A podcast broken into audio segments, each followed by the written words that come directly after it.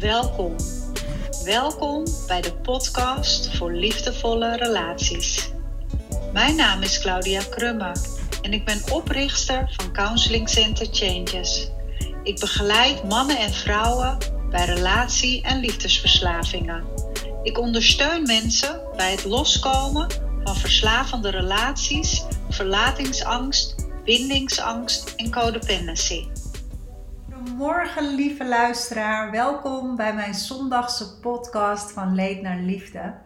Ik ga deze week een vraag beantwoorden van een anonieme schrijver. En het is een ontzettende mooie vraag waar ik heel veel in kwijt kan. Het gaat over het aantrekken van emotionele onbeschikbaarheid en hoe je dat voorkomen.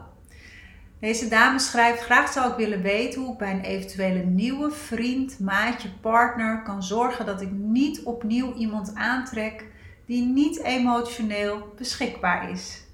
Ik vraag dit omdat de herkenning van de partner met wie je je jeugdtrauma's kunt proberen te helen en die daar dus het meest geschikt voor is, onbewust plaatsvindt in je reptiele brein. En dat is het meest primitieve gedeelte van ons brein.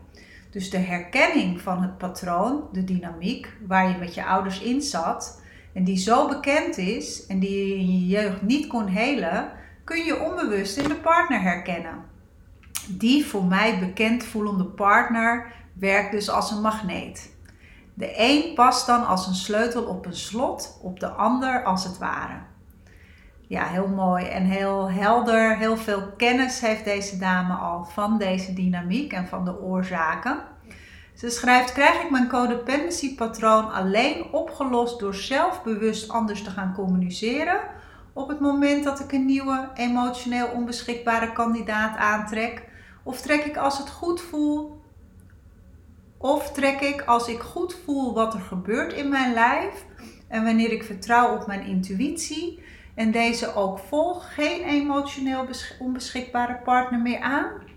Of trek ik ze dan nog steeds aan, maar heb ik minder last van die onbeschikbaarheid, omdat de onbeschikbaarheid me geen pijn meer doet? Hoewel ik me dit absoluut niet kan voorstellen. Nou, heel veel vragen in dit stukje. En ik begin bij het eerste deel. En uh, dat is het stukje dat je het eigenlijk nooit echt kan voorkomen.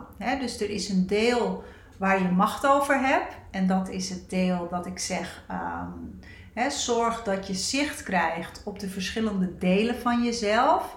dus weet wanneer jouw volwassen deel aan het roer staat. En weet ook wanneer je getraumatiseerde deel aan het roer staat. He, dat is wat we ook wel noemen het innerlijk kinddeel, het gekwetste innerlijk kind, wat voortkomt vanuit die uh, aantrekking hè, vanuit dat meest primitieve gedeelte van de brein, hè, wat deze dame zo mooi beschrijft. En anderzijds is het ook gewoon afwachten um, en kun je dus niet van tevoren weten wie je op je pad zal aantrekken. Het is wel zo dat hoe meer je jezelf aan het helen bent, en je veilige hechting ehm, hebt ontwikkeld, dan zul je ook veilige hechte partners aantrekken.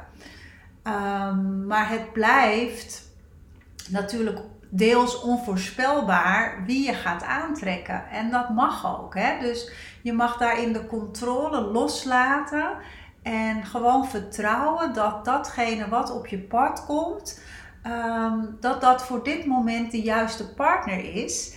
En dat wil niet zeggen dat je daarmee een relatie moet aangaan, maar die date of die, ehm, dat contact, dat geeft je weer nieuwe informatie en dat geeft je de mogelijkheid om de relatie dus met jezelf weer te verdiepen. want kom je er op de eerste date bijvoorbeeld achter dat iemand de hele avond uh, over zichzelf praat en jou totaal geen vraag heeft gesteld en je eigenlijk al kunt constateren dat dit iemand is hè, uh, die niet echt beschikbaar is, um, dan zijn er twee dingen die je kan doen. Je kan een nieuwe afspraak maken voor een volgende date. Of je kunt zeggen van nou hè, dankjewel, maar uh, dit gaat hem verder niet meer worden. En op het moment dat je dat doet, dan heeft het volwassen deel dus de regie. En dan heb je het supergoed gedaan En dan ga je door naar de volgende date. En dan zal je uiteindelijk ander soort partners gaan aantrekken omdat je dus aan de voorkant, hè, ook wel genoemd het kaf van het koren aan het scheiden bent. En dus uit, automatisch andere partners gaan aantrekken. Blijf jij er toch langer in, in dat contact, uh, dan gezond voor jou is, of wat bij jou past, en dan staat je volwassen deel niet aan het roer, maar het codependent deel, het pleasende deel. Want je hebt al lang gevoeld dat die persoon het niet is. Het kan ook zijn dat je nog niet zo bewust bent, ehm, waardoor je dus toch nog in dat contact blijft. Hè? Dus de basis is echt bewustzijn en dat je mag gaan leren van wanneer staat mijn volwassen deel nou aan het roer, wanneer neemt mijn codependent deel het nou over en wanneer heeft mijn innerlijk kind iets nodig uh, waarin ik voor haar zorg. En dat is in dit geval dus bijvoorbeeld uh, niet een volgende date afspreken. En dus dat is even over het eerste stukje. Dus deels heb je de macht over en deels ook niet. Je mag daarin de controle loslaten en vertrouwen dat die, die persoon die op jouw pad komt, jou hoe dan ook weer de juiste les te leren heeft.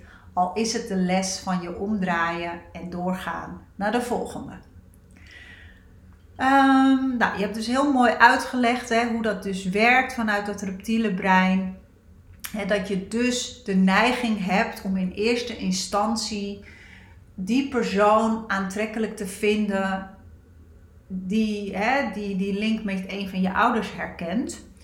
Um, dus als je je ook daar heel erg bewust van bent, kun je ook leren om daar niet meer op te reageren dus in het begin dat je nog voelt van hé, hey, ik trek toch nog dat soort partners aan, ik vind ze toch nog aantrekkelijk.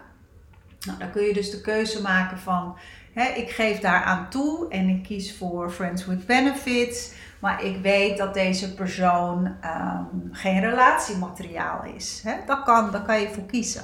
Maar je kunt ook ervoor kiezen om dat niet te doen en uh, daarmee de weg vrij te maken voor iets wat beter bij je past. En dus dan niet te reageren op die eerste impuls van die aantrekkingskracht. want die aantrekkingskracht die is nog gebaseerd op dat oude patroon. Dus je zou eigenlijk tegenovergestelde actie moeten maken. En dus met partners moeten gaan daten die niet die aantrekkingskracht bij jou naar boven brengen. Uh, en dat je leert om dat onderscheid te maken.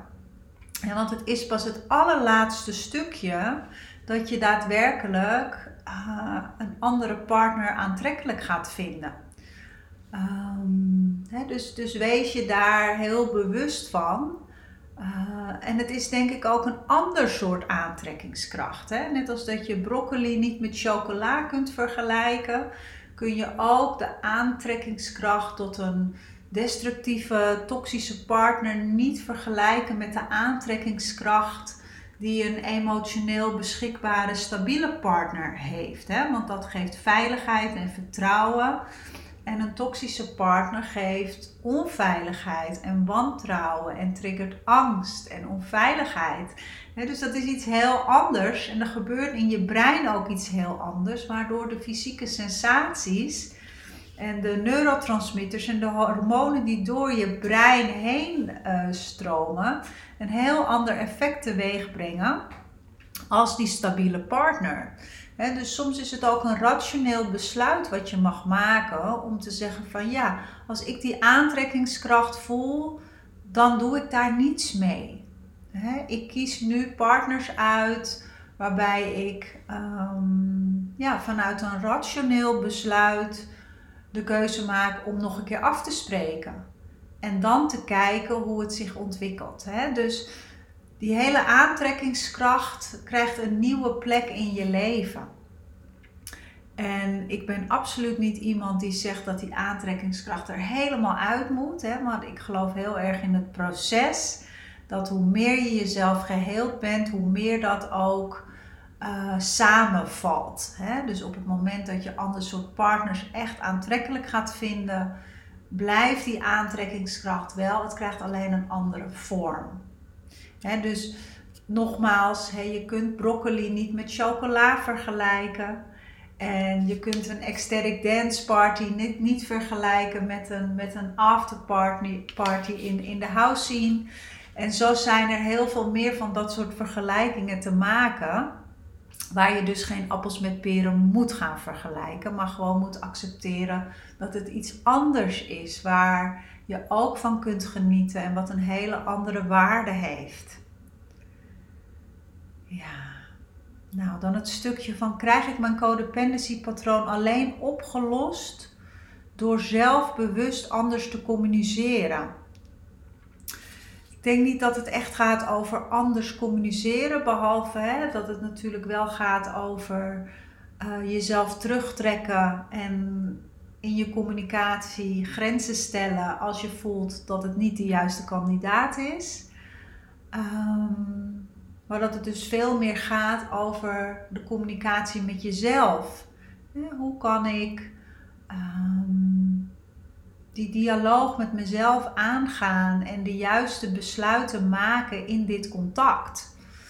En als je daarbij inderdaad heel erg in contact bent met je lichaam, dan kun, kunnen die fysieke sensaties en die gevoelens je zeker iets vertellen. Ik zeg altijd, je gevoelens zijn de boodschappen van je ziel, dus luister daar ook naar. Ehm, en je schrijft wanneer ik vertrouw op mijn intuïtie en deze ook volg, trek ik dan deze partners niet meer aan. Je intuïtie kan ook heel erg vertroebeld zijn. je intuïtie komt in principe van je ware zelf, dus ook van je volwassen autonome zelf. Maar soms is het vertroebeld door een codependent patroon of door een traumatisch deel. waardoor je je intuïtie niet meer zuiver kunt voelen en zuiver kunt vertrouwen. Dus dan is het eerst zaak dat je die dingen uit elkaar gaat halen en gaat onderzoeken wat hoort nou waarbij. En dan als laatste, um, of trek ik dan nog steeds partners aan, maar heb ik er minder last van, van die onbeschikbaarheid? Um, ook hier zou ik weer ja en nee zeggen. dus in het proces van jouw persoonlijke heling zul je merken dat je enerzijds minder snel getriggerd raakt en meer verantwoordelijkheid draagt voor je eigen pijnstukken. Maar anderzijds ook veel helderder hebt wat je wel en wat je niet wilt in je leven. dus emotionele onbeschikbaarheid, als je daar ongelukkig van wordt, en dat worden de meeste van ons, ehm, dan is dat niet iets waar je aan wil wennen. dus ehm, op het moment dat je dat zou accepteren, dan is het meer ontkenning van je eigen behoeften. Uh, dus weer een overlevingsstrategie, als dat het echt, ehm, echt een gevoel is wat bij dat volwassen deel hoort. dus dat zou ik nooit ambiëren om daartegen te kunnen. ik hoor inderdaad wel eens cliënten zeggen: Nou ja, maar als ik genoeg geheeld ben, dan heb ik daar geen last meer van. Dus als we bijvoorbeeld kijken naar verlatingsangst. Ja, als je meer geheeld bent, dan zal het steeds minder hard binnenkomen. Maar als er iemand is die jou daadwerkelijk afwijst of je negeert of um, bepaalde dingen doet die niet fijn zijn of respectloos zijn, dan mag dat ook pijn doen. En dan mag je ook voelen dat het niet oké is. Dan moet je dat ook voelen. Dus je wilt zeker niet leren om daar tegen te kunnen. Nou, ik, uh, ik hoop dat, uh, dat je hier genoeg aan hebt en dat je hier weer mee verder kunt. En uh, mocht je zelf een andere vraag hebben, stuur hem gerust in. Ik kijk ernaar uit om jullie vragen te beantwoorden. En ik spreek je graag volgende week en wens je nog een hele fijne zondag. Doeg, doeg! Super bedankt voor het luisteren naar deze aflevering. Heb je iets gehad aan deze podcast? En denk je dat het ook waardevol voor een ander kan zijn? Deel het dan gerust op social media of aan iemand persoonlijk, op WhatsApp of op Messenger. Op deze manier draag ook jij een steentje bij aan mijn missie. Het is mijn missie om zoveel mogelijk mensen te ondersteunen bij het helen van trauma en oude wonden, zodat iedereen een gezonde relatie met zichzelf kan ontwikkelen en van daaruit ook met anderen.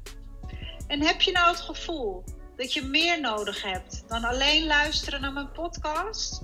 Neem dan een kijkje op een van mijn websites en onderzoek welke vorm van ondersteuning het beste bij jou past. En kom je er alleen niet uit? Stuur ons dan een mail, dan kijken we graag met je mee. Voor nu wens ik je een liefdevolle dag toe en tot volgende week.